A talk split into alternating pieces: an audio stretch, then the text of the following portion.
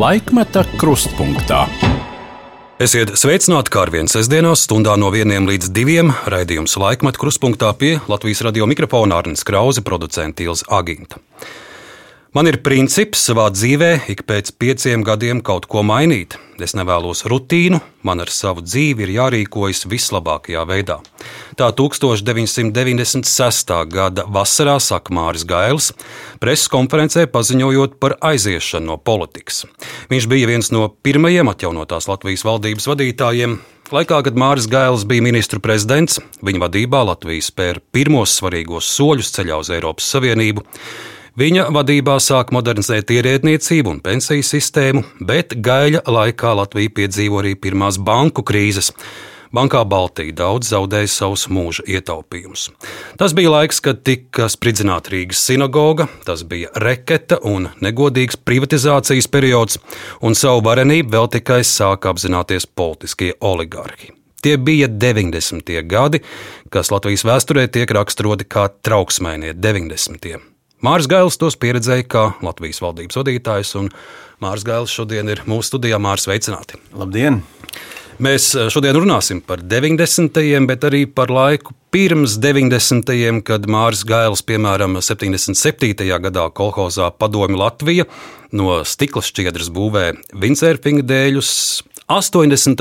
gados vēl daudz nezinu, kas tas video tāds ir, bet uh, Māris Gailis jau veido video projektus par ebreju glābēju Žanu Lipku un Vāgneru zāli. Mēs, protams, arī runāsim kopā. Mārķis man ir atlasīti kādi 12 eh, arhīvu ieraksti no vismaz 100, eh, kurus izskatīju. Tā kā mm, saruna būs gan dinamiska ar dažādiem mūsu vēstures un laikmetu pavērsieniem, kurus jūs esat pieredzējis. Bet sāksim ar šodienu. Tūlīt, tūlīt ir klāt vēlēšanas. Mārcis Gailis bija politiķis pagājušajā gadsimtā, bet Es pieļauju, protams, ar, ar, ar lielu interesi gaida arī, kāds iznākums būs 1. Uh, oktobra vakarā.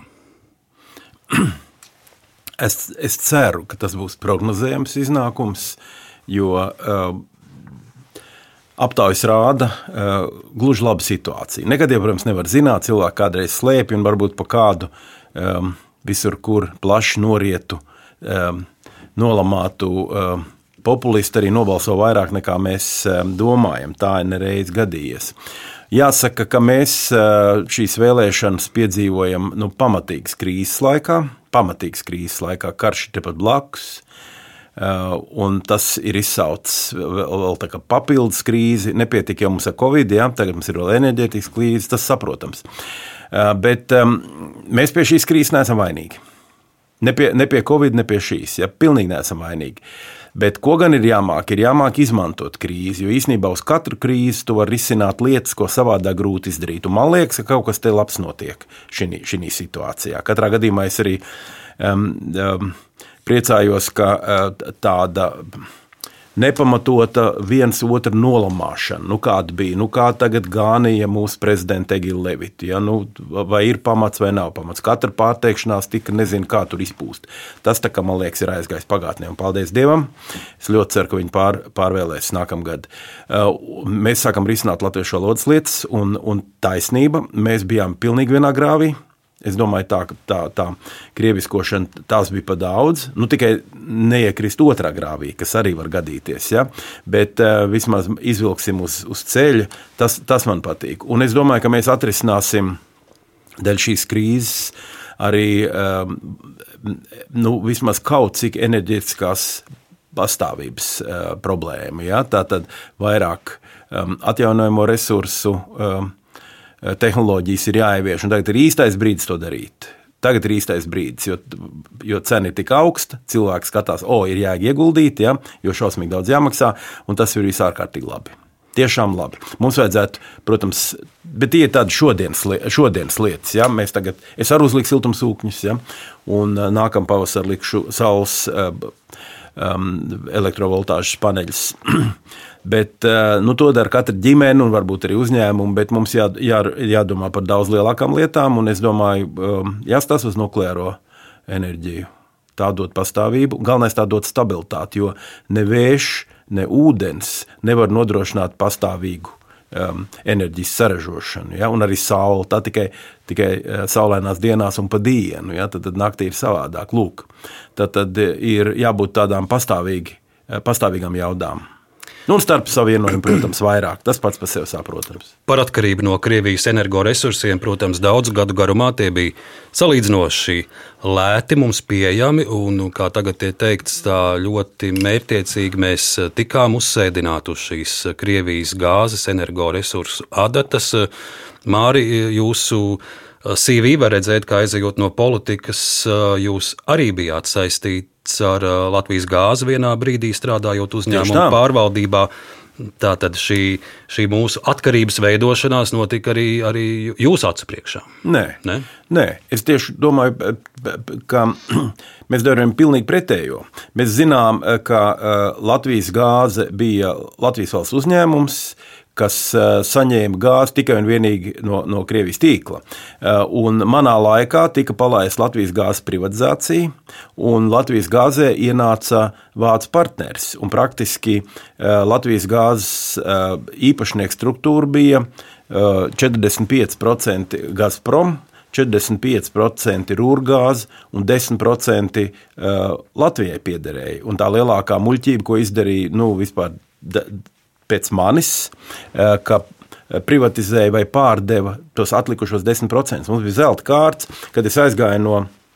Tā bija šķēles, no valdības, šķēles valdība, kas to bērziņa, darīja. Bērziņa, bērziņa, bērziņa, tad, tad, kad mēs aizgājām no, no tad, kad es aizgāju no, no politikas, um, man, protams, piedāvāja, un es neatteicos uh, nu, vairākas labas darbus. Es, es uh, biju Latvijas gāzes uzraudzības padomus priekšsēdētājs, īsnībā manās rokās bija zelta kārts. Latvijai izdevīgos brīžos es varēju balsot kopā ar krieviem pret vāciešiem vai kopā ar vāciešiem pret krieviem. Un īsnībā pilnībā kontrolēja situāciju. Jo nekad Rūrgāzem ar, ar, ar, ar Gazprom nebija nu, pa lielam teiksim, vienot, vienot tā.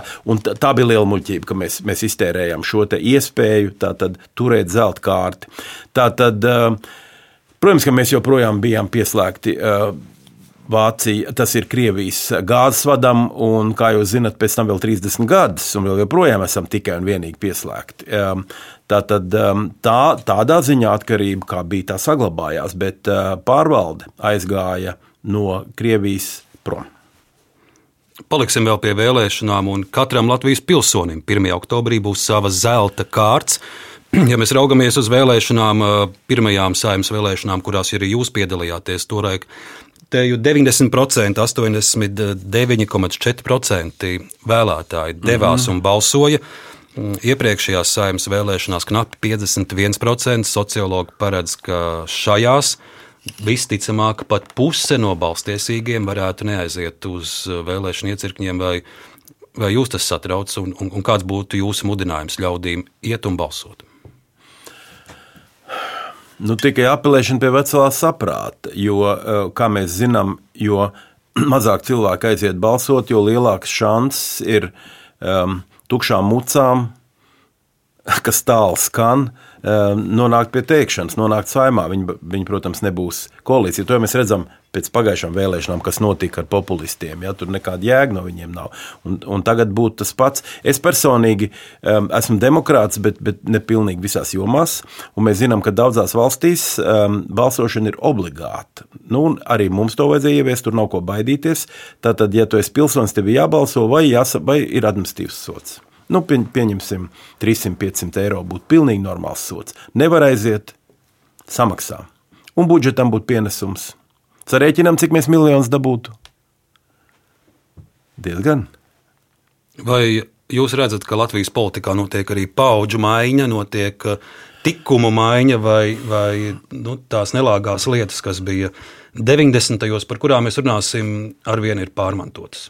Nu, kaut kas jau, protams. Nu, ne, cilvēka uh, sabojātība jau nekur nepazūd, un, un uh, cilvēka sautīgums un um, arī kaut kāda tālredzības spēja, nu, beig beigās, ne, tas nav nekur pazudis, bet um, daudz, daudz rāmi tomēr ir ieviesti, ja, un tas ir arī pateicoties būšanai Eiropas Savienībā, uh, un, protams, arī tam, ka, nu, tagad um, ierēģiem un deputātiem ir, protams, daudz labāks izglītības To nevar salīdzināt, kāda bija mums. Mums bija vairāk pasionārijas 90. gados, mēs bijām vairāk, vairāk patrioti, un, bet mazāk pieredzējuši.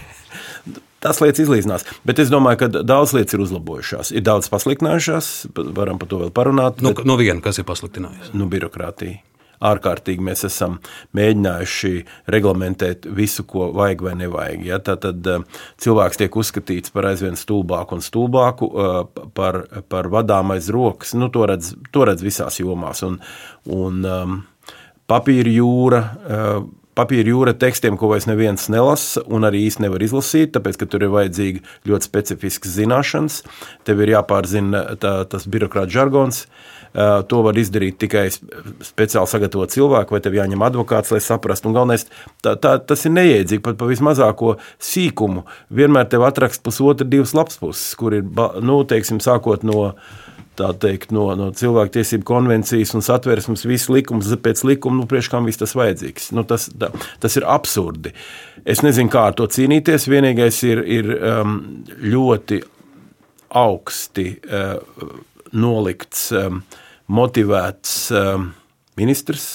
Vai, vai ministrs prezidenta uh, vietnieks, es pat teiktu, biedrs, kas tad, nu, kaut kādā veidā politiski to vada. Tāpēc, kad ierēģiņi atražo sevi, viņi paliek aizvien vairāk, uh, viņi paliek aizvien stiprāki, viņi nemainās. Um, un tas ir pareizi, ka viņi nemainās, bet, bet vienmēr ir jābūt kādam, kas ierobežo viņu vāru. Un tā ir tikai un vienīgi varbūt politisku vāru. Bet jūs taču reiz tajos 90. gados bijāt akurāt pie šīs valsts uh, ierēdniecības nu, administrācijas pamatu veidošanas. Absolūti, es viņu veidoju. Es, es biju ministrs, kas par to atbildēja, bet mēs nevarējām iztikt. Neviena valsts nevar iztikt bez ierēdniecības, jo tas ir tas instruments, ar ko valsts strādā. Ja? Tev ir jāadministrē ļoti daudz lietas, sākot no nodokļu iekasēšanas, beidzot ar sociālo palīdzību. Bet tā māja neiznāca tāda, kā tos pamatus. Nē, viņa, viņa tika ritīgi izbojāta. Nu, es tagad negribu tur sevi slavēt, bet es domāju, ka likums, ko mēs ar Regiju Levitu toreiz um, gatavojām kopā, nu, mēs kopā strādājām ar viņu. Viņš bija tieslietu ministrs, un es biju uh, valsts reformu ministrs. Un, um,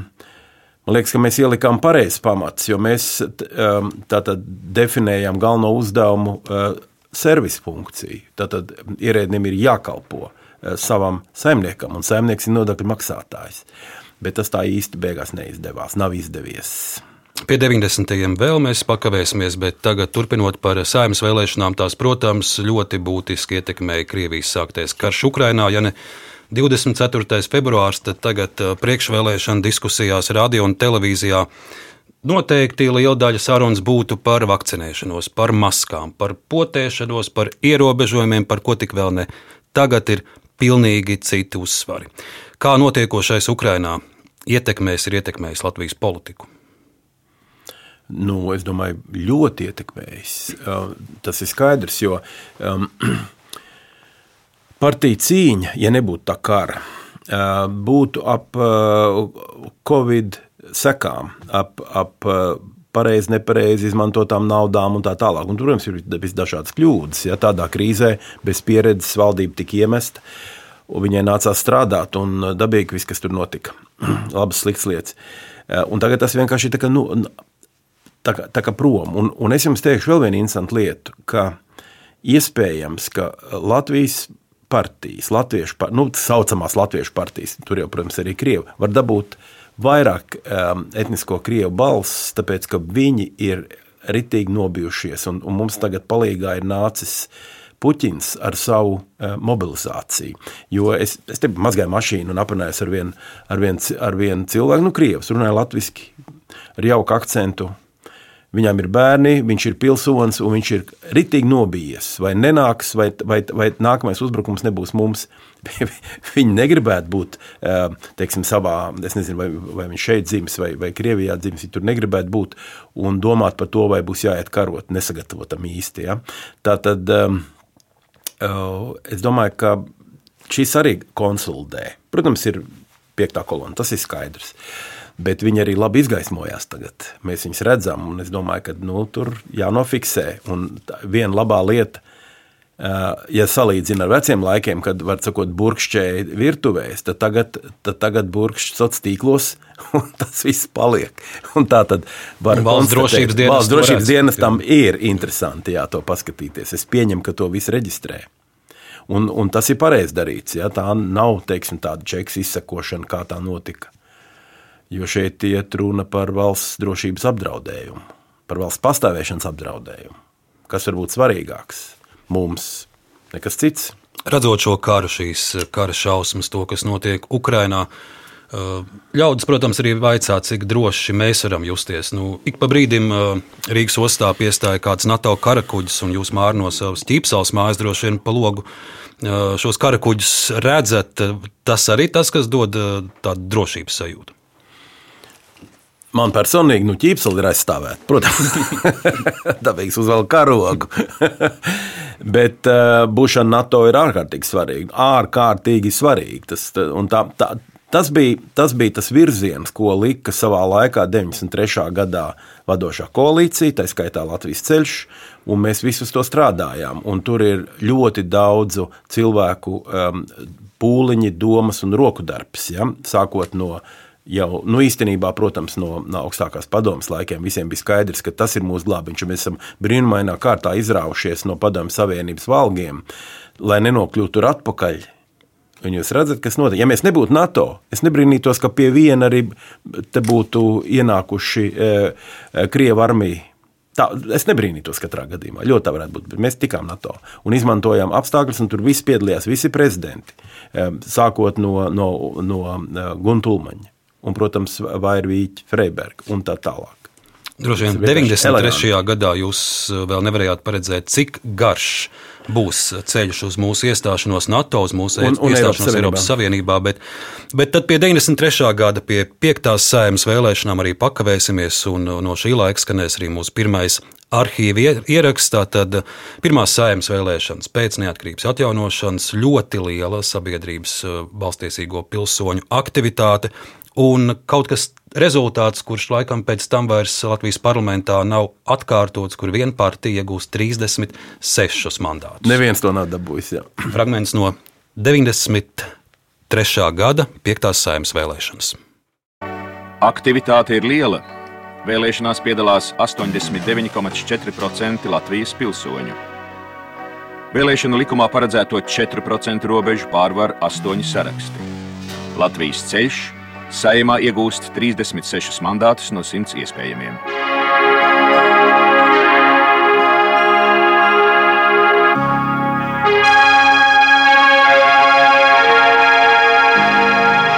Gailis velk mastā sarkanbaltu sarkano karogu.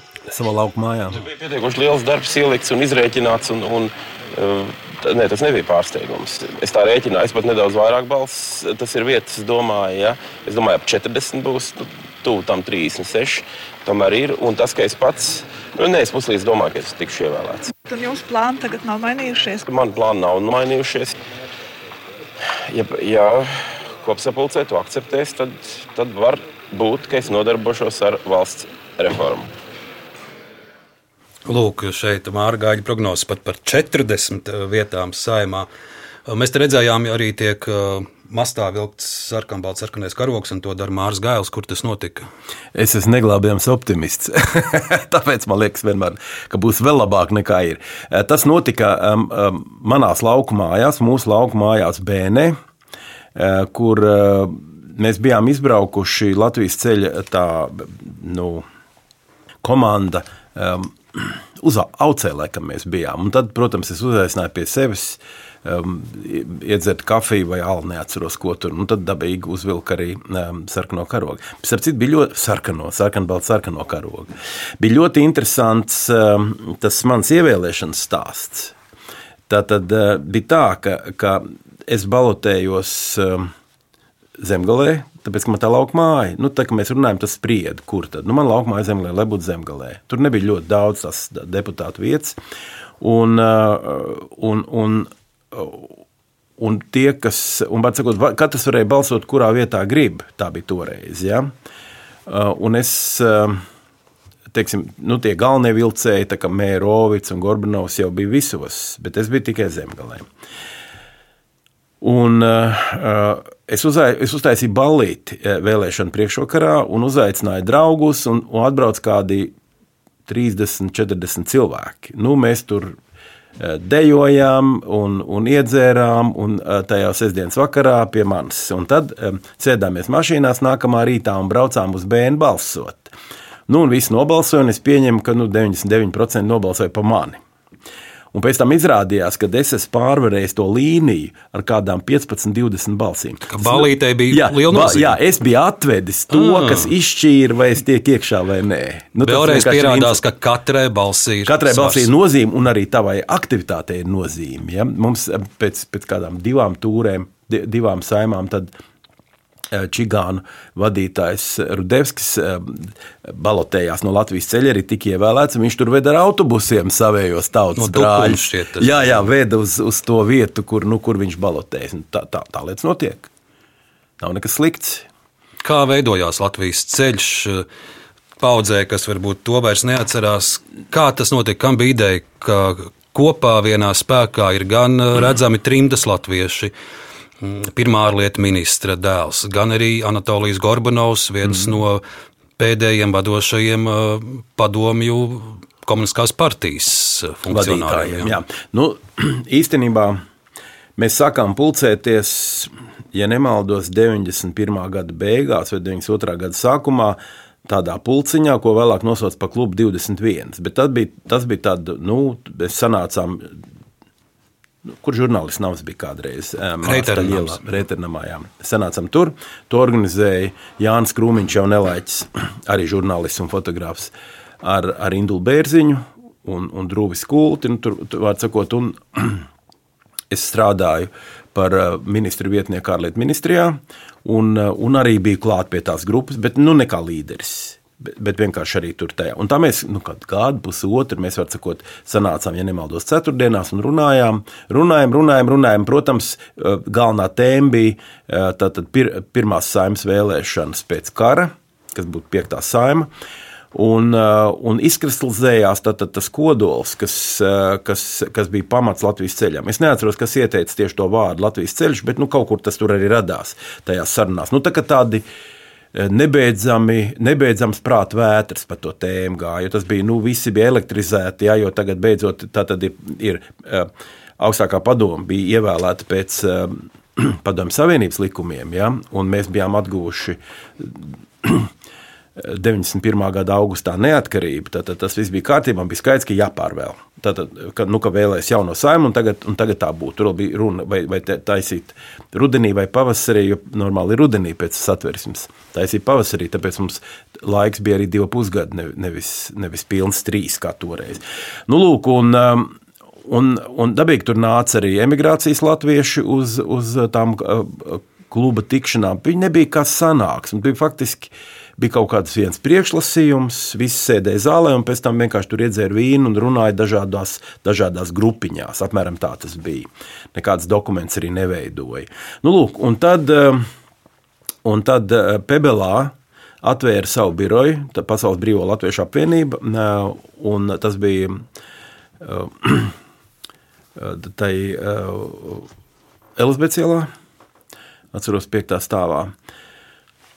Un mēs jau arī sapratām, ka, ka, ir, ka, ir, ka, ka būtu ļoti pareizi, ja teiksim, mēs savu grupu savest kopā ar um, em, emigrācijas latviešu pārstāvjiem, mēs būtu vienkārši daudz spēcīgāki, jo tad mēs arī dabūtu tādu, nu, tā kā, tā kā uzticamību lielāka, tad Biltija, protams, lamāja pa komunistiem un tālāk, un, un tā tālāk, un tā joprojām. Un tas numurs mums izdevās. Mums izdevās savest kopā tad, tad divus līderus, Anatoliju Gorbunovu ar, ar Mērovicu. Un, uh, nu, tas bija triki. Es tur arī biju tur, nu, turpat blakus, tur, uh, bet kas tieši ieteica, es vairs neatceros. Noteikti kādā citā intervijā to pastāstīs. Ja? Bet, um, un, tad, un lēnā garā tas um, neusticības ledus tika lausts, un, un, un, un tur pagāja kaut kāds labs laiciņš, kamēr, kamēr vienojās, ka mēs ejam visi vienā sarakstā. Iespējams, tad arī parādījās tas nosaukums Latvijas ceļš. Es tikai atceros, bija tāda tā dibināšanas sapulce. Man šķiet, ka jūrmalā. Un mēs bijām nu, tad, tad apvienības. Mēs viņu toreiz nesaucām par partiju, bet par apvienību. Mēs bijām laikam kaut kādi pie 60 cilvēkiem. Pēc tam es vienmēr arī uh, žurnālistiem, kas, kas par to interesējās, stāstīju, ka mēs bijām 60 cilvēki. kas eh, nodibināja to pirmo apvienību vai partiju un dabūja 36% saimā, kas ir fenomenāls sasniegums. Bet um, nu, tā bija kvalitīva publika. Ja, tur bija advokāti, nu, juristi. Un um, Kehrs atveda arī jauniešus, bija jauni cilvēki, kurus arī mēs visi tagad redzam. Ja. Bordāns, piemēram, bija mūsējis, kā jaunietis toreiz. Un tā tālāk viņi, viņi nav, nav, nav aizgājuši. Viena daļa no viņiem ja, dažādos amatos strādājuši pēc tam, 30 gadu atpakaļ. Un salīdzinoši jaunos gados Mārcis Gailis arī kļūst par ministru prezidentu. Nu jā, man bija jā, 42 jā, vai cik. Apmēram. Jā, protams, bet es jau um, neplānoju Es nebiju plānojis, ka es kļūšu. Jo bija doma, ka mēs nostrādāsim, normāli nostrādāsim tos divus puses gadus līdz vēlēšanām. Man bija ārkārtīgi interesants, aizraujošs darbs, valsts, valsts pārvaldes reforma, kas bija arī ierēdniecības radīšana, jaunu likumu rakstīšana. Atcerieties, ka mēs strādājam mazākuma valdības apstākļos. Tas nozīmē, ka mums vienmēr vajadzēja atrast vai nu kreisā vai labā pusē, nu vienmēr jau labā pusē, kādus, kas atbalstītu mūsu likumprojektus. Mums jau bija tikai um, 48 laikā viena no mūsu trīs sešiem aizgāja. Tas liekas, Tankēvičs kā viņš tur sauc. Nu, lūk, un, uh, un pēkšņi, uh, negaidot, uh, tātad um, gadu, gads tikai pastrādāts, gads un pāris mēneši, es esmu burāšanas atvaļinājumā um, Marinhamā, tas ir um, Somijā, un pēkšņi man, man piezvana, ka Birkaus atkāpies. Un es biju, protams, nepatīkami pārsteigts. Nepatīkam pārsteigts. Bija diezgan skaidrs, ka mēs dabūsim atkal nu, 36, tomēr, bet Ulmans izdomāja savādāk. Un Ulmanis uh, uh, iedeva tā, tādam Andrejam Krastiņam no LNK sastādīt nākamo valdību. Un, um, tur Jurkāns, viņam bija savādā kombinācija. Mēs, protams, tur negājām jo mēs domājam, ka viņiem neizdosies, un viņiem neizdevās. Un tad bija tas arī stāsts, tāds interesants stāsts, kurus es daudzreiz studentiem teicu, nu, kad man aicina par, par šīm lietām runāt. Um, bija trīs kandidatūras. Nē, bet vēl pirms tam mēs ar Egilu sēdējām un runājām. Uh, kam tagad, kas tagad būtu jānotiek? Vai tā tad jāpanāk, ka Birka aicina otrais? Ar Egilu, Egilu Levitu? Ar Egilu Levitu mēs mhm. sēdējām, jā. Vai jāpanāk, ka viņu otrais aicina, vai, mēs, vai, vai, vai, jā, vai jāatbalsta, un mēs nonācam pie slēdziena, ka pareizāk būtu um, radīt vēl vienu līderi, nākamo, jo mēs esam nevis viena cilvēka partija, bet mēs esam nu, daudzu potenciālu um, politisku līderu partiju. Mums vajag nākamo, jo, protams, ka tu uzbūvē savu politisko um, gan atpazīstamību, gan visu, ne, ja tu esi valdības vadītājs. Un uh, frakcija tam piekrita, un valdes arī negribēja. Valdes Birkaus. Viņ, viņ, viņš tā nerāvās. Viņš būtu rāvies, varbūt savādāks stāsts. Bet nē, es gribu būt ārlietu ministrs. Fine. Viņš jau bija ļoti lielu darbu izdarījis. Viņa laikā izveda uh, armiju. Ja? Uh, viņš bija Maskavā un tikās ar Eļcinu. Tad, tad, tad, tad viņa nopelni ir ārkārtīgi lieli. Ārkārtīgi lieli. Nu, lūk, bet viņš vairs negribēja tad, tad vilkt to vezumu, bet citu. Uh, Un, eh, un tad, tad eh, tika ehm, tad, tad, nu, ierosināts trīs kandidatūras. Piebalgs, Andris, kas bija mm, ehm, toreiz budžeta komisijas vadītājs eh, nu, no, no saimā, ehm, un Jānis Vaivats kas viņš jau, laikam viņš jau bija izglītības, izglītības ministrs, ministrs Birkavam. Jā. jā, viņš bija Birkavam izglītības ministrs. Nu, jā, un, un, un mani Un tad, kā šodien atceros, tad, tad pirmā stāvā tur, tur uzreiz pa kreisi tur tā, bija tā mūsu frakcijas mītne, un tur bija tāda zālīte, un mēs tad, tad visi sēžam, tad, tad 3, 6 plus konsultanti, varbūt 45 cilvēki vai cik tur. Un, nu, tagad, ko saka, piebalgs. Un piebalgs saka, nē, nu, tur jau tas nu, galīgi nav obligāti, nu, ko nu es, un varbūt ir labāk par mani, un, un tādā stilā. Vai vats saka tāpat, un es saku, es esmu pilnīgi gatavs, tā, tad, jo, jo tā bija tā vienīgā izdevība mūžā, kāda gadās. Ne katram, ne? Es esmu pilnīgi gatavs, es esmu uzkāpis pa tām kāpnēm, es esmu bijis ierēdnis, es biju ministru vietnieks, departamentu vadītājs, ministru vietnieks, tad ministrs, premjeru vietnieks. Es esmu pats vadījis uh, valdības sēdes Birkau probūtnē, jo viņš atstāja parasti mani. Uh, un es to varu izdarīt. Un tad, ok, ja tu to vari izdarīt, tie baigi neraujās. Viens saka, ka viņš to var, un tāds notiek. Un tas ir par to, ka tu nedrīkst laist tās vienīgās dzīves izdevības garām. Bet tas bija, protams, ļoti grūts laiks. Un Mārne katram ir tā iespēja pašam pirmajam spērt to pirmo lielo soli saistībā ar mūsu iestāšanos Eiropas Savienībā. Un es pieļauju, ka gan kā premjeram, gan kā vispār politiķim, tas varbūt bija viens no tiem augstākajiem punktiem, kad jūsu vadībā 95. gada vasarā Latvijas delegācija dodas uz Luksemburgu, un Luksemburgas pilī tiek parakstīts Eiropas Savienības asociētais līgums starp Latvijas Republiku un Eiropas Savienību. Un nākamais arhīvu fragments būs brīdis, kad eh, šis mirklis ir dokumentēts. Es vēl piebildīšu, ka mēs ar, ar um, Ulmani parakstījām iesniegumu Eiropas Savienībai mūs uzņemt. Ja, tas, tas nozīmē sākt to procesu. Un tas, protams, ir. Um, man, starp citu, tā dokumentu kopija ir. Pie, pie, kāds bija uztaisījis kopiju, nu īsto kopiju, tā kā nu, divos eksemplāros. Man ir rāmī pie sienas, paliks mazmazbērniem. Fragments. Latvijas valdība rīko pieņemšanu Eiropas pilī.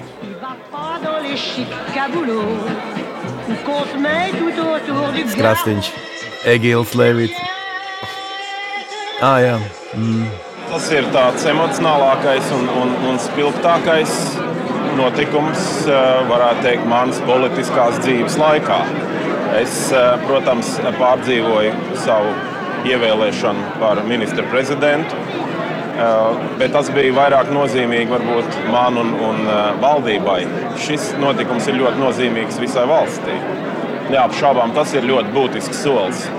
Es domāju, ka um, es vēl piedzīvošu, un tas nemaz tik ļoti ilgi nebūs jāgaida, uh, Eiropas, uh, tātad Latvijas iestāšanos Eiropas Savienībā. Es domāju, tas notiks. Piedzīvoju.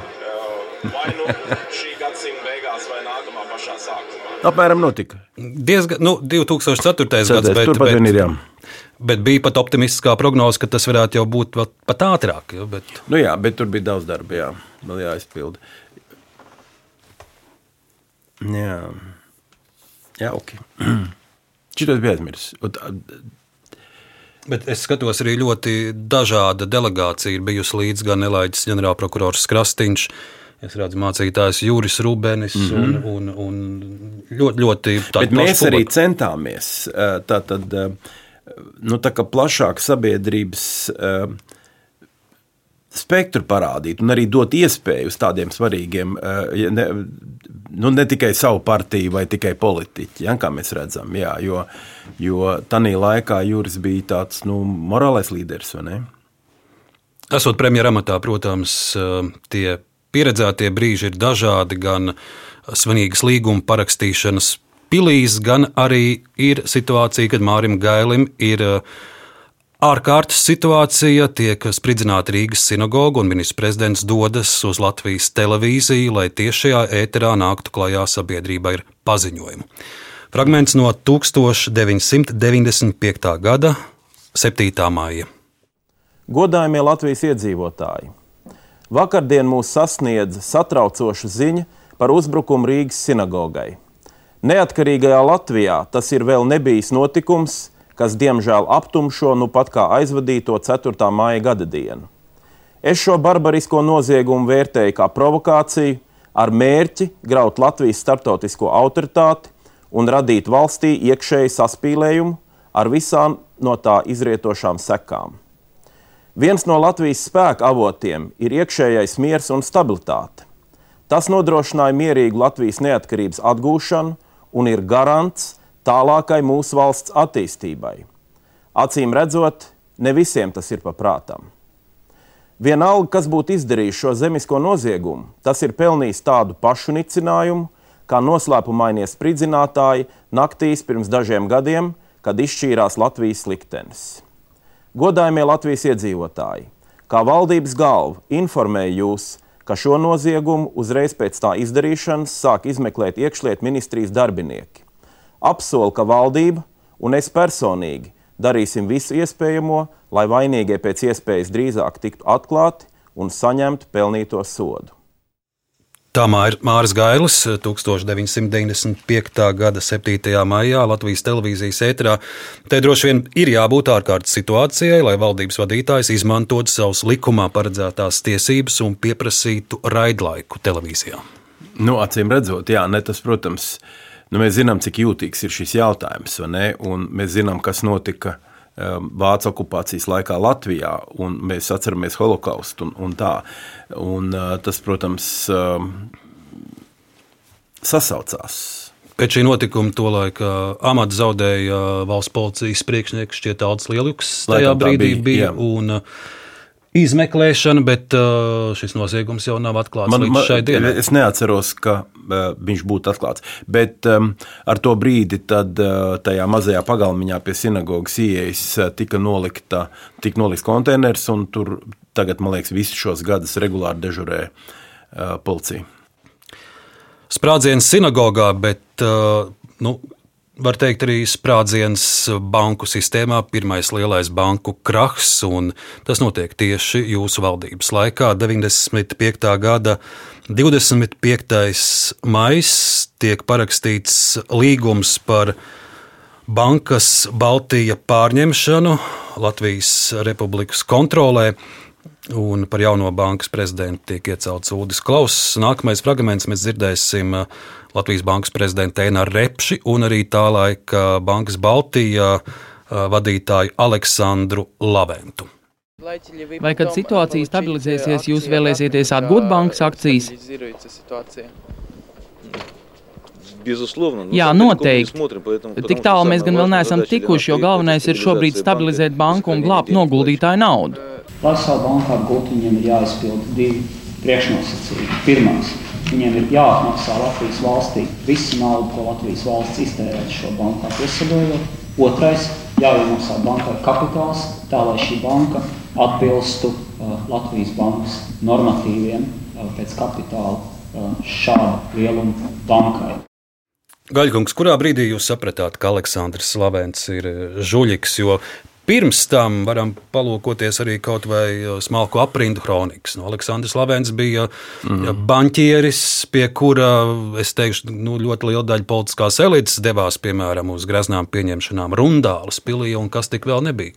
Kad Jā. jūs sapratāt, ka viņš uh, tanī, Latviju ir aptins ap pirkstu? Tanī brīdī, kad Klauss pateica, ka tad, nu, tad bija pilnīgi skaidrs. Tad arī viņu arestēja, starp citu, Proti, kad uh, Klaus, kas bija bankas uh, cilvēks, nu, ārzemē Latvijas, um, paziņoja, ka viņi ir, aizsū, ka viņi ir uh, izsūtījuši naudu da, vairāk desmit miljonu, neatceros, kāds 6 vai 7 miljonus nezināmā virzienā, Amerikas virzienā. Ja? Šodien tas vairs neiet cauri, to naudu dabūt atpakaļ, bet toreiz, protams, bija cita situācija. Un tad bija skaidrs, ka tur vairs nekas nav glābjams. Viņi tā tad mēģināja izlaupīt, ko viņi, ko viņi spēja. Nu, ko darīt? Tā arī viena tāda ļoti nepatīkama mācība, bet um, nu, nu es tikai vēlreiz varu atkārtot to pašu, ko es simts reizes teicu. Ja? Um, bankas uzraudzīja Latvijas banka. Nevis valdība, nevis atsevišķa organizācija. Pēc tam uztaisīja Fuktu, kā mēs zinām. Ja? Bet toreiz tā bija. Un, uh, atnāca pie manis, neko mēs nezinājām, kas notiek. Atnāca, jo arī nebija nekādas informācijas avota. To jau avīzēs neraksta, ka bankai iet slikti. Ja? Kamēr tas nav acīm redzami. Un atnāca Repše un teica, tā ir. Um, iztrūkums 25 miljoni, kas nav ļoti liela nauda, kā mēs zinām, uh, un vajag kaut ko darīt. Un tad, uh, un, un um, lūdzu, lai valdība iesaistās, un tad nekas cits arī neatlika. Kā kaut ko darīt. No sākuma mēs pārņēmām pusi no bankas, pēc tam pārņēmām pa vienu, pa vienu latu visu banku.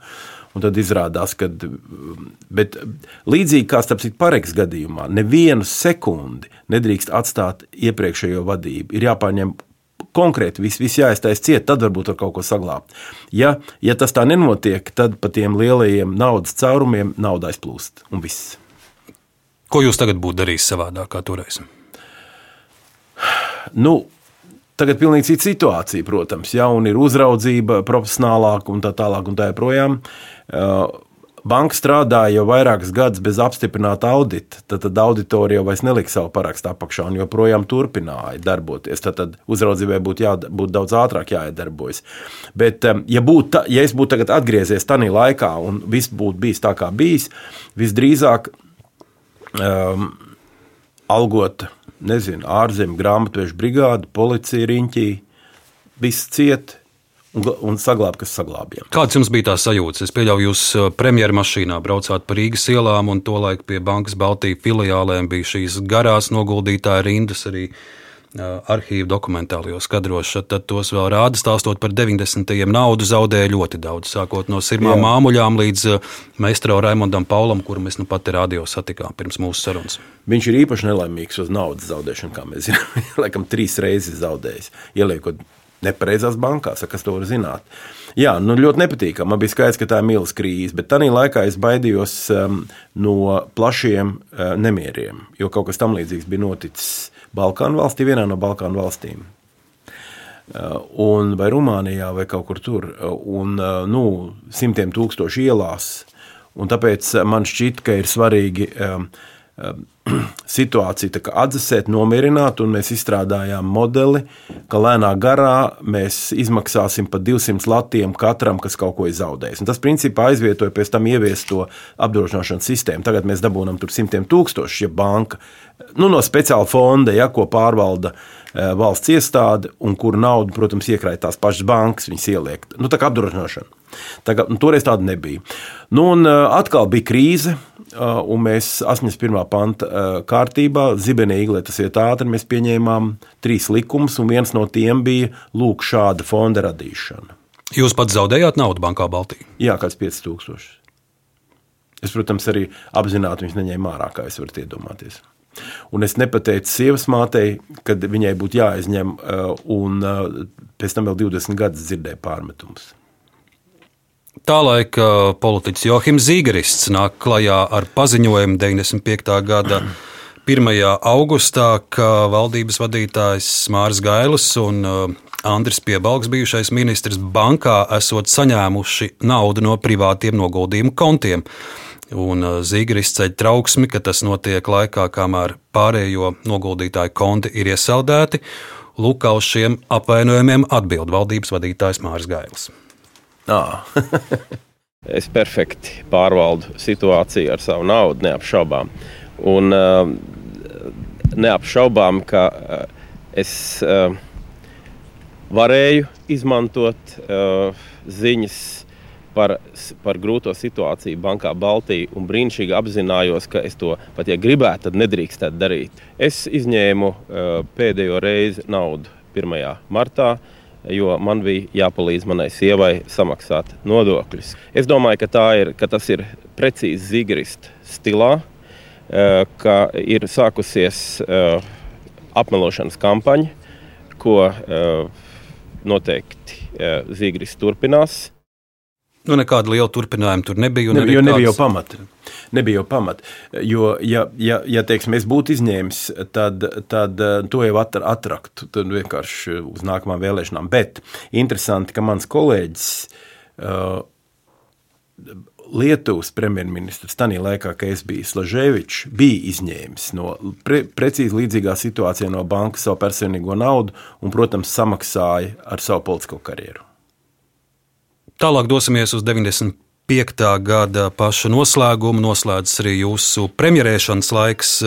Noklausīsimies ierakstu no saimnes sēdes, kurā jūs pēdējo reizi kāpjat tribīnē un runājat kā ministru prezidents. Sēdē ir debatas par Andriu Čēli, un uh, viņš tiek nominēts kā jūsu pēcnācējs. Mm -hmm. uh, šo fragment es izvēlējos tādēļ, ka vēlākos gados jūs gana skarbi arī kritizēsiet uh, Andrius Čēli, bet uh, šajā uzstāšanās reizē es nesaku, jūs viņu aizstāvat, bet, bet jūs kritizējat Ādamsonu, jā, jā, kurš atceros. kritizē Šķēli. To es labi atceros neatceros tos vārdus, ko es teicu, bet to, to situāciju atceros. Jā. Tos vārdus mēs tūlīt dzirdēsim. Labi. 1995. gada 21. decembra saimnes sēde. Jūs zināt, ka ir likums par civildienestu, bet civildienests neatiec uz policiju. Un tā tad uh, civildienestā nedrīkst strādāt uh, drošības komitejas ziņotāji un štata darbinieki, bet policijā to, aizliegts darīt nav. Un tā nu ir sanācis, ka joprojām drošības policijā strādā šie darbinieki, un tie, diemžēl, izmantojot Ādamsona kunga pieredzes trūkumu, viņam ir iedvesuši šo pārliecību, balstoties uz tātad materiāliem, tā, sauktie, tā sauktiem operatīviem materiāliem, ka ir problēmas ar šķēles kungu. Jau vairākas reizes mēs īstenībā esam nokļuvuši nērtā situācijā, kad būdams ātrs un strauji, Ādamsons iznāca ar paziņojumiem, kad ir uh, atklāti pārkāpumi pa, attiecībā uz vienu vai otru cilvēku. Viens konkrēts gadījums ir vectirāns. Jūs varbūt lasījāt avīzēs, uh, kur tika norādīts, ka vectirāns esot izdarījis tādus pārkāpumus un šādus pārkāpumus. Viss šis materiāls bija drošības policijas sagatavots. Pēc tam, kad aizsardzības ministrija veids dienestu izmeklēšanu, izrādījās, ka mēs nevaram atrast, tātad attiecīgie virsnieki nevarēja atrast konkrēts pierādījums, dokumentāls pierādījums šiem pārkāpumiem. Izrādījās, ka viss tas ir blefs. Un, diemžēl man jāsaka, līdz mēs neesam redzējuši konkrētus pierādījumus par Šķēles kungu, es nekādu savādāk nevaru šo lietu nosaukt kā, kā par blefu. Tātad 95. gada izskaņā Mārcis Gailis saka, ka, ka visi apvainojumi Andrim Šķēlim ir blefs.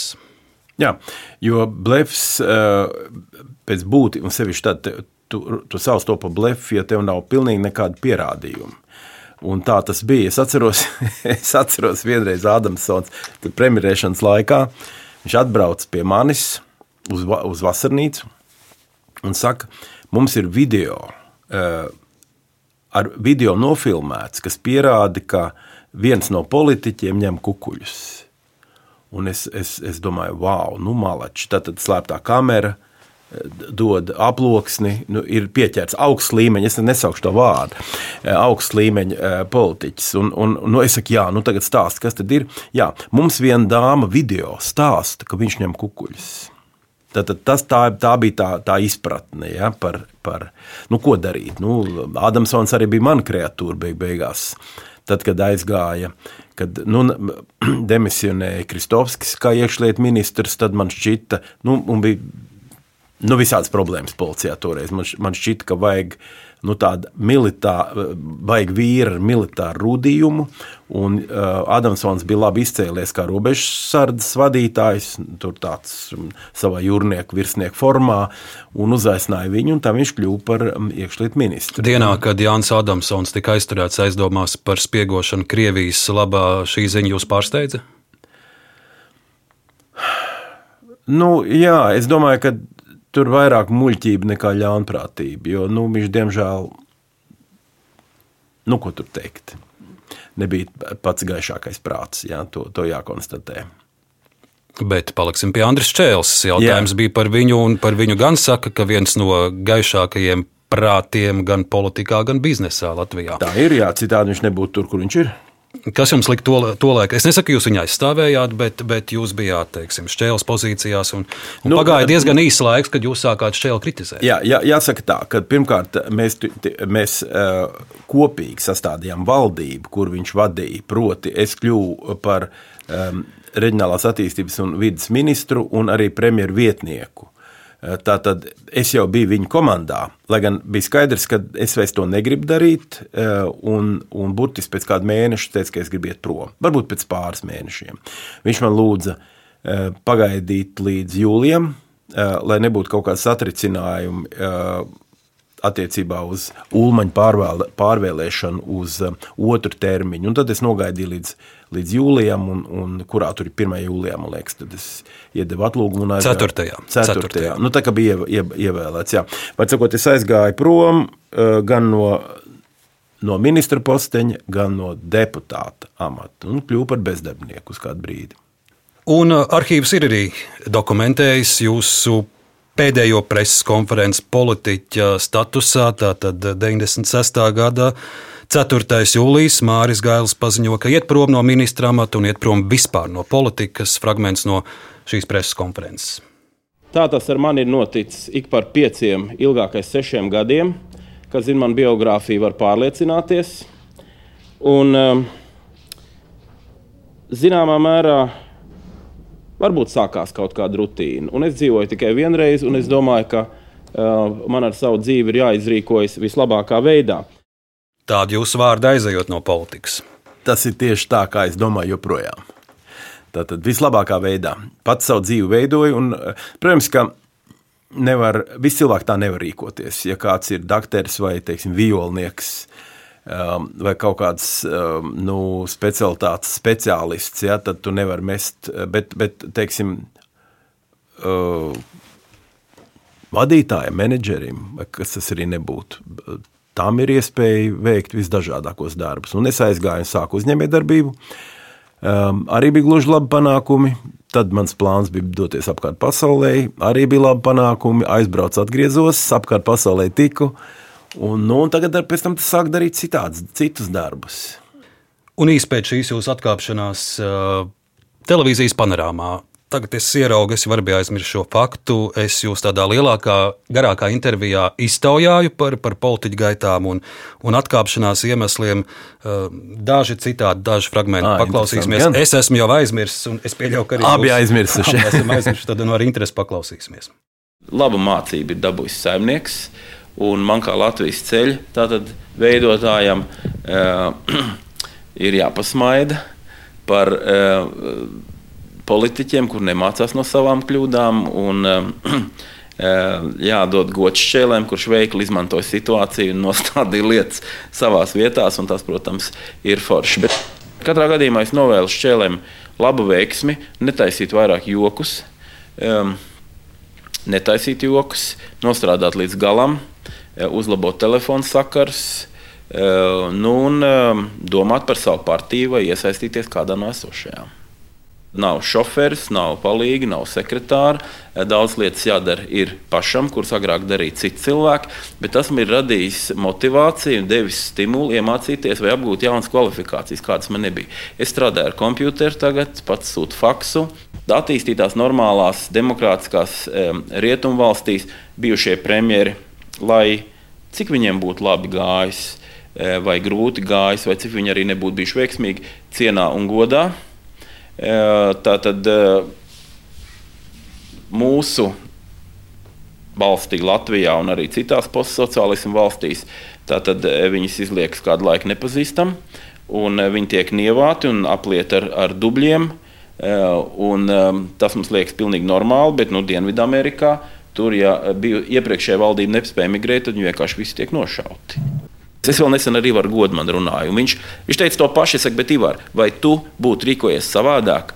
Un viņš man uzreiz piekrita, e, ka e, tad, kad valsts ir e, tādās problēmās, kā banku krīzes laikā bija Latvija, valdības vadītājs, ministra prezidents, lai ko arī likums neteiktu, nevar palikt malā, un viņam šī atbildība, šī stūra rokās ir jāņem.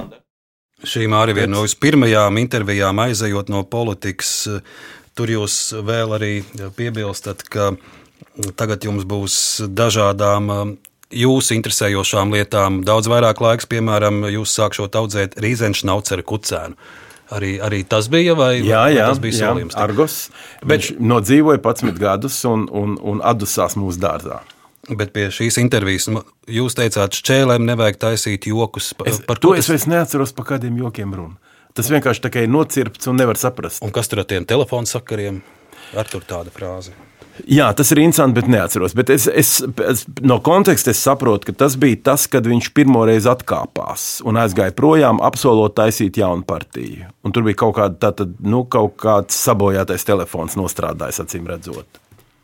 Um, nu, jā, tā valdība izjuka, bet tad Devis bija prom. Es jau aizgāju jūlijā, kāds tur bija manā vietā, neatceros kurš. Uh, starp citu, vienā brīdī bija arī Gorbunovs, eh, tās varam vadītājs. nu jā, un eh, nu, tā tad gāza.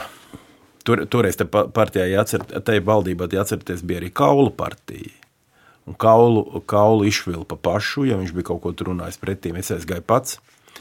Nu tā, interesanti ir ko atcerēties. Iespējams, ka manā grāmatā tas ir aprakstīts. Lūk, un ļoti labi, ka jūs pieminat grāmatu, jo tas ir tas pirmais lielais darbs, ko, ko jūs darat eh, aizejot no politikas. Jau diezgan drīz, 97. Eh, gada marts, eh, klajā nāk jūsu memoāru grāmata Varas tehnoloģijas. Tajā ir pieminētas vairāk nekā 500 personas, un to laiku lasot preses publikācijas, var redzēt, ka, ka daži no pieminētajiem pat ir diezgan bažīgi un tramīgi par savu reputāciju, ko nu Mārcis Gailis tur būs atcerējies un ierakstījis. Un, un tagad, lai skan mazs fragments no grāmatas atklāšanas svētkiem, un, un mēs dzirdēsim Ivaru Godmani, ko viņš saka jūsu grāmatas atklāšanas. Tas ir gan interesanti. Dienā.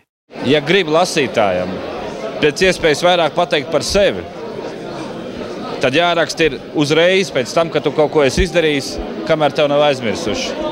Ja tu gribi pēc iespējas vairāk pateikt par laiku un par notikumiem, svarīgākiem, kas ir notikuši vēsturē, tad ir jāraksta pēc 15, pēc 20 gadiem. Mēs pieturēsimies pie otrā principa. No šīs godmaņa kunga minētais uh, otrais princips, nu, faktiski tas laiks ir pienācis, Māri, ka, ka ka nevien par pašu iesaistu, bet jau par tādu lielāku laika posmu Latvijas vēsturē jūs tagad varētu rakstīt. Es neizslēdzu, jā, ka varētu kaut ko tādu izdarīt, bet man no sākuma ir eh, jātiek galā ar, ar Rahādu Wagneru mājas atjaunošanas projektu. Tas tiešām šobrīd paņem visu laiku. bet jā, visdrīzāk varētu. Visdrīzāk varētu. Nu, man ir trīs grāmatas. Nu, kaut kas tas ir. Pirmā ir uh, mēbeles jauniem cilvēkiem. Mēbeles jauniem Jā, cilvēkiem. Tā ir patiešām, nu, tā, nu, tā ir kopā zāģa, bet es rakstīju zāģi zīmēju. Nu, tā ir ļoti slavena grāmata, jo viņa atrodas bibliotekā, Latvijas bibliotekā, tajā viena no simts nozīmīgākajām grāmatām. Pat grūti iedomāties šādu godu. Ieskaitot glika bībeli un tādā stilā. Ja?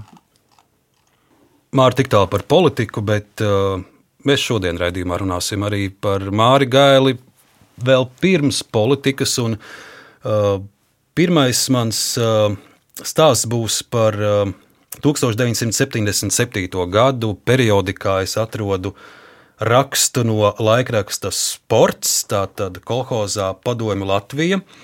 Ir aktīvisti, kuri veido windsurfinga dēļus ar stikla šķiedras audumu, un tas tiek pārveidots stikla plastā. Un Man liekas, te ir pieminēts Mārcis Gailis. Mārija, jūs atpazīstat sevi šeit? Jā, jā, es esmu kreisā pusē jūs, ar kupliem matiem. Kas šis ir par stāstu? Tas ir ļoti, ļoti, ļoti jauks stāsts. Tātad, es tātad tālajā 75. gada beigās, man liekas, um, laikrakstā uh, padomju jaunatni uh, uz, uz visas lapas bija uh, nopublicēts rasējums, ka uzbūvēt windsurfingu. Latvijā vēl windsurfingu nebija. Un es strādāju mēbeļu fabrikā, un, uh, un sācīts darīts, tā es augšā. Mēs kopā ar manu draugu Dainu Cauni. Tātad uh, nolēmām, ka tas būs mums kopīgais, tad brauksim uz maiņām. Un es ziemas laikā to dēlu uzbūvēju. Uh, un Dainis nofinansēja būru, bija kaut kāda 60 rubļu laikam. Uh, un es nofinansēju un uzbūvēju pašu to dēlu. Nākamajā gadā sākām piedalīties sacīkstēs, ķīšezerā mācīties braukt, nu, faktiski pēc grāmatas, jo es nebiju burājis, lai gan burāšana man bija nu, kā tāds sapnis. Tad, tad man burāšanas karjera iesākās ar pašbūvēto. Un pēc tam izrādījās, ka kolhozā padomu Latvija ir tāda jauka zēnu grupa, kas būvēs surfingus no stikla plasta. Tā tad forma uz formas formē kā, faktiski viņš ir tā kā tā, kā tā plasmas um, zieptrauciņš. Divas daļas, vidū putuplasts salīmē kopā un te. Ne?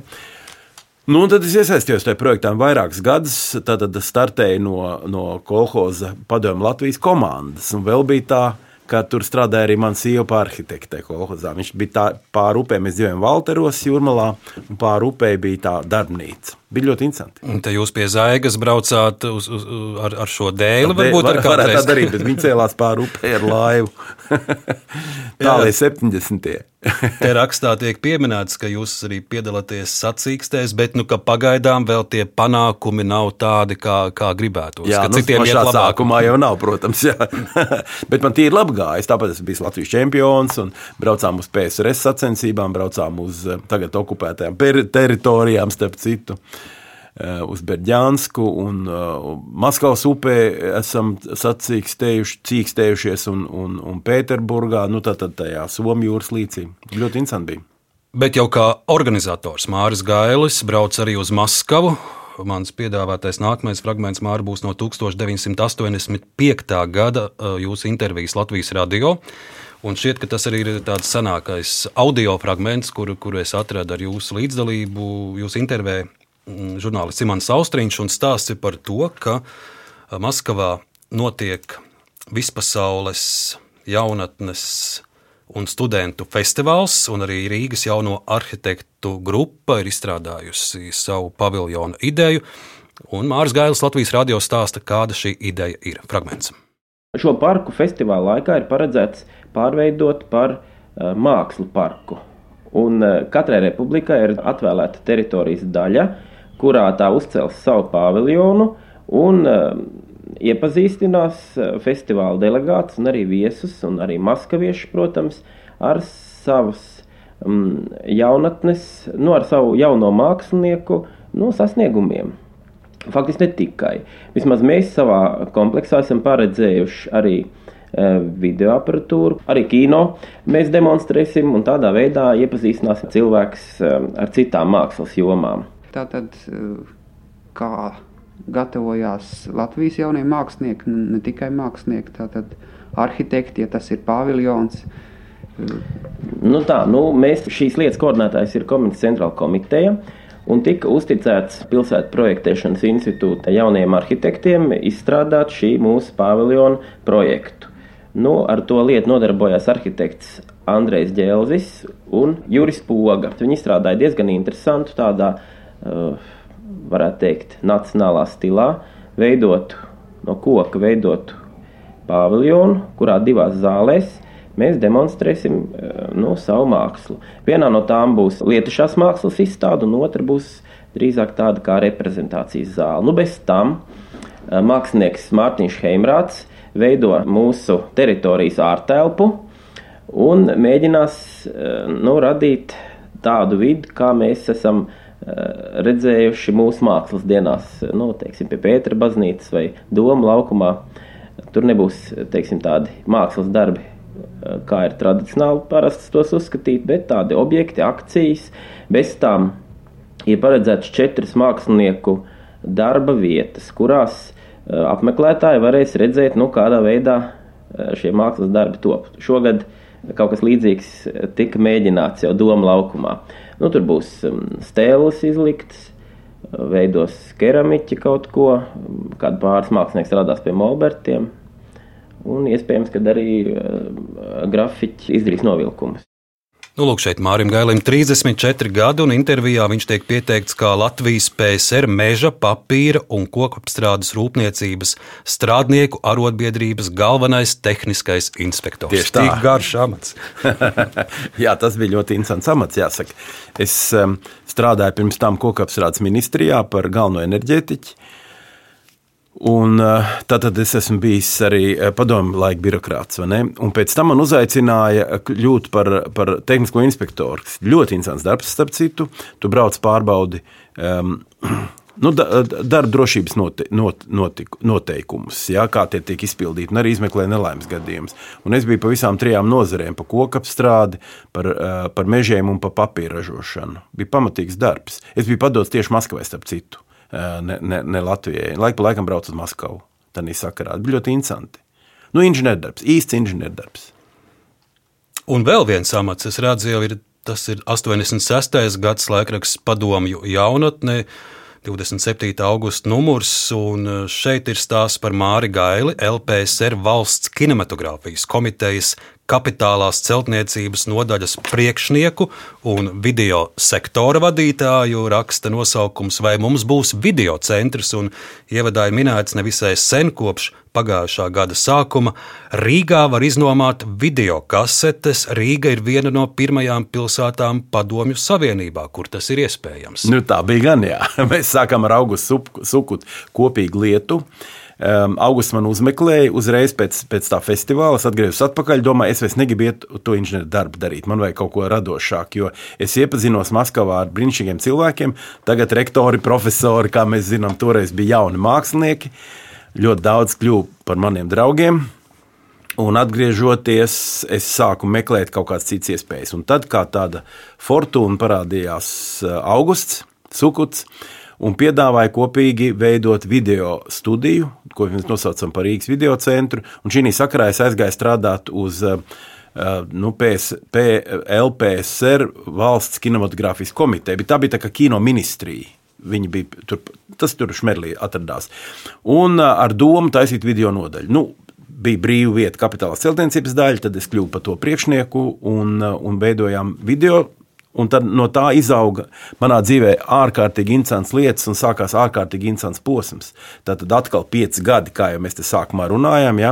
Tātad um, gads, tai, gads tur kino komitejā, pēc tam mēs uztaisījām video centru, uh, dabūjām telpas, uh, sākām uh, ražot filmas, pēc tam radījām kino festivālu, kino fórumu arsenāls, kas, kas turpinājās 25 gadu. Un es tur nostrādāju, māja jau bija gatava. Um, Poļi taisīja toreiz to. Ja? Tā, tā arī bija fantastiska viss tā, vis tā būšana. Tā ir vesela stāsta vērta. Nu, un tad, um, div, par cik es pazinu Ivaru Godmanu, kas bija mans paralēlklases biedrs no pirmās gimnāzijas, tad viņš kļuva par, premj, par ministru. Ministru kabineta priekšsēdētāja, ministra, ministra padomus priekšsēdētāja, tā bija toreiz nosaukums. Viņš uzaicināja mani pie sevis savā komandā, un es aizgāju no tā video un kino jomas prom. Paliekot vēl, uh, augustam palīgā arsenālu taisīt. Nu, no kaut kāda tur, kur tā gada es biju eh, bez, bez, bez nomaiņas uzraudzības komitejas, uzraudzības padomus priekšnieks. Nu, tā kā faktiski naudas lietas bija manējās. Ja? Un Mārija, jūsu organizators spējas raksturo, raksturo arī jūsu mamma Elza Gaila vienā no intervijām 90. gadu vidū. Es šodien sarunā gribu pieminēt arī jūsu vecākus Elzu un Valentīnu Gaidus, kur nodzīvoja garu un, un, un skaistu mūžu. Un, un jūsu mamma intervijā saka, Māris ir vienmēr izcēlies ar organizatoru spējām, reiz tēvs lika uzrakt pāris dobīšu. Mārim visu dienu pagāja futbolu sitot, Pēkšņi Māris apķēries, ka tūlīt tēvs būs mājās un darbs nav padarīts. Kas solīts jādara, apzinīgs viņš ir bijis vienmēr, visa puiku komanda tiek iedzīta dobē. Tas ir labi. Šito es biju aizmirsis. Mārta, turpinot sarunu, nu, diez vai bērnībā ar, ar, ar, ar čomiem pagalmā futbolu sitot, Māris Gailis var iedomāties, ka viņš reiz ar jahtu apceļos visu pasauli. Vai tāds sapnis bija? Bija. bija Ļo, ļoti agri bija. Mm. Jā, īstenībā, varbūt ne gluži bērnībā, bet, bet, bet jaunībā gan, jo uh, lasot Džeku Londonu Dienvi, Dienvidjūras salu stāsts, ja, varbūt visi, visi to zina, vai vismaz viena daļa. Man bija sapnis. Um, Polinēzija un Klusais okeāns un tā tālāk. Un pat cik vecais tas bija bijis jūrnieks, un mamma arī burājas, tad man tā burāšana vienmēr gribējās, bet kaut kā nesenāca līdz sāku to surfingu. Un uh, jau kaut kādos 70. Uh, gados es jau, jau, jau domāju par to, vai, vai, var, vai varētu kaut kā pamainīt dzīvi, uzmunsturēties uz, uz burbuļkuģa Kruzensteins, piemēram, ja, apburāt apkārt pasaulē. Nu, tas, protams, uh, nebija reāli. Un tad pienāca brīvības gadi, un tad es domāju, um, aiziešu pensijā, noteikti jāorganizējas. Un tad pēc kāda brīdiņa padomāju, varbūt nav jēgas gaidīt pensiju, 50 gadi būtu īstais brīdis. Uh, viens no motīviem iet prom no valdības, arī no, no politikas. Es domāju, bet man ir pieci gadu laikā kaut cik jānodrošina pārticība, lai paliek ģimenei un jāorganizē brauciens. Un to es izdarīju. Un tas, tas brīdis, gadus. Un jā. tas brīdis pienāk 2001. gada 9. jūlijā Ķīpselā laivu piestātnē notiek liels, es teikšu, pat grandios pasākums. Tajā piedalās arī valsts prezidenta Vaira Vīķa Freiberga. Tur ir televīzijas tiešās translācijas un, un vairāku stundu ilga Mildas komandas pavadīšana. Fragments no 2001. gada 9. jūlijā. No manas dzimšanas dienas, jā.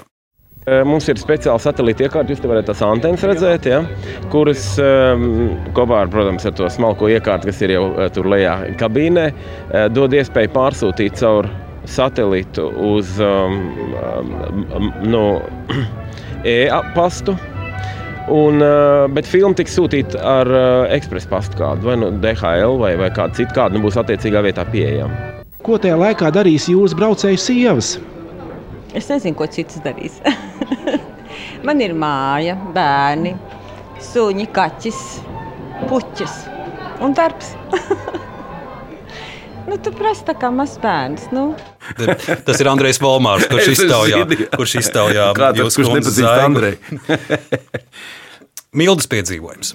Jā, nu tas, ir, tas ir labākais piedzīvojums manā, manā dzīvē apaļi divi gadi, brīnišķīgs brauciens. Visu redzējām, vairāk kā septiņas vietās piestājām, apmēram vienu gadu ūdenī un vienu gadu nu, krastā, dažādās vietās, kā jau teicu, daudzās.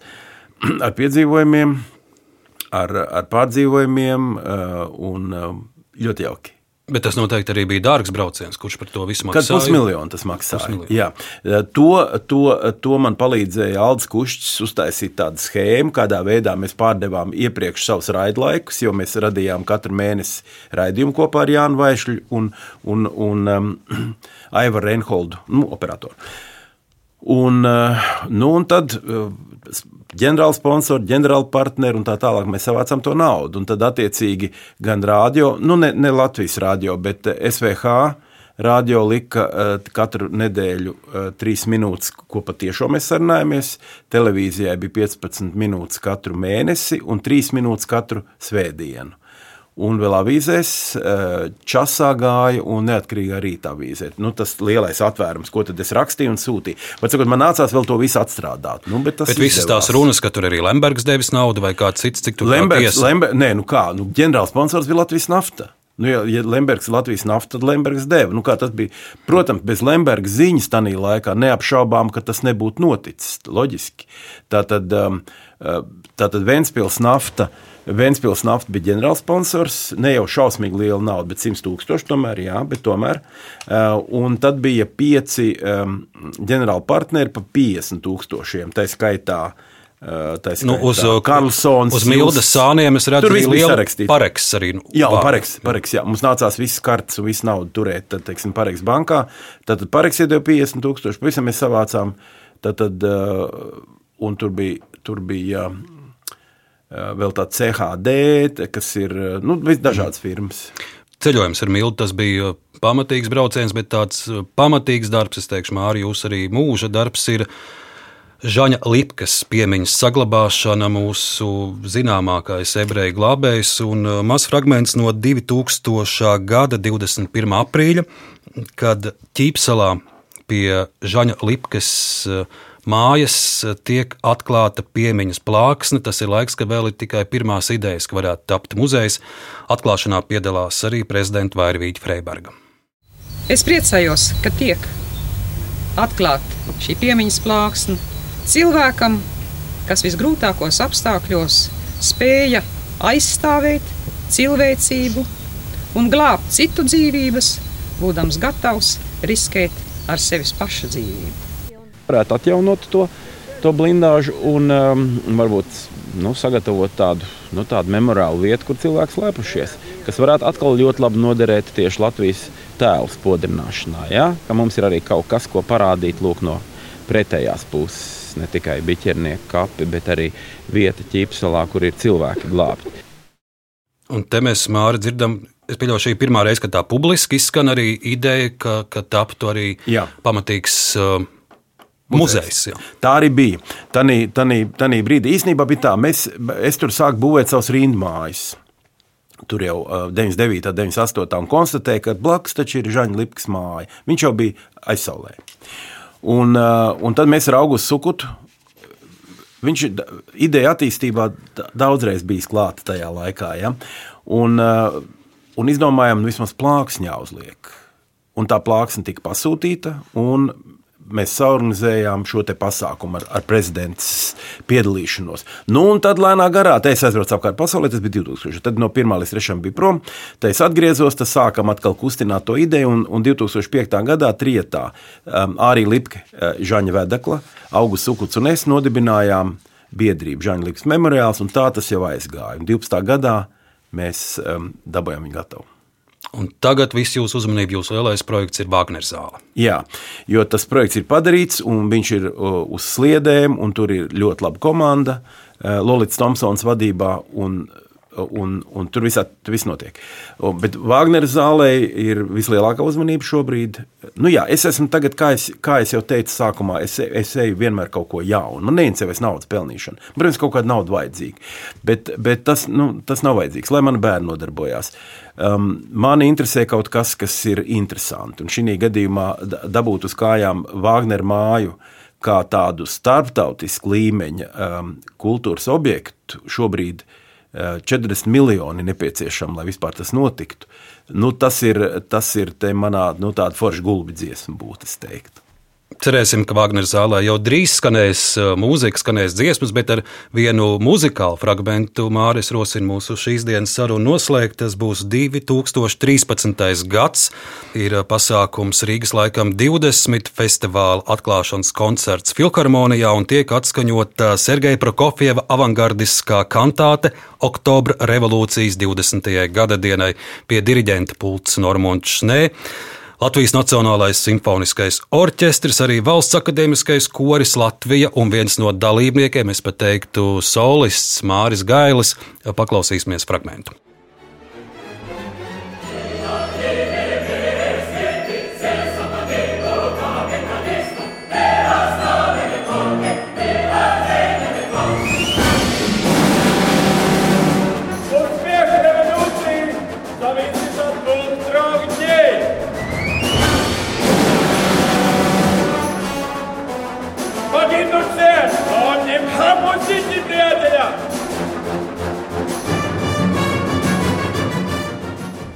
Nu, te ir tā jāieklausās, bet tie, kas labi ieklausījās, dzird, ka tiek, ka tiek uh, izsaukti kādi Leņķina, Leņķina saukļi, Leņķina teikumi. Nu, tieši ja, tā, tas bija? Tieši tā, tas bija citāts no Leņķina. Un uh, man uzaicināja Arnis Rītups. Kaut kā mēs dzērām vīnu, vai es to varētu darīt. Un patiešām es varu nogrimēties kā ļeņķis, un tā arī notika. Tad, tad man te galvas vidu izdzina, pielīmēja ūsas un to kasbārdiņu, attiecīgi, attiecīgi pumpainā šlipse, kā mēs zinām. Nu, tāds klasiskais, stereotipiskais ļeņķina izskats man bija. Tās bija interesanti gan. Nu, lūk, un pirmo reizi mūžā es piedzīvoju ovācijas patiešām. un nerimstošs aplausus. Absolūti, jā, tas bija lieliski. Nu, lūk, Mārcis, cik, cik gara mums tā saruna no windsurfinga būvētāja 77. gadā līdz Leņķina lomas atveidotājam 2013. un, protams, pa vidu arī nopietnas posmas valdības vadīšana un daudz citu projektu. Māris Gailis, Māris, jums saku ļoti lielu paldies par sarunu šodien. Paldies jums, bija ārkārtīgi interesanti skatīties visu, ko jūs tur esat sameklējuši. Raidījumu veidoja Arnēs Krause un Ilza Aginta, par skaņu rūpējās Elizabete Šaicānava un Rēnis Budze. Turpiniet klausīties Latvijas radio.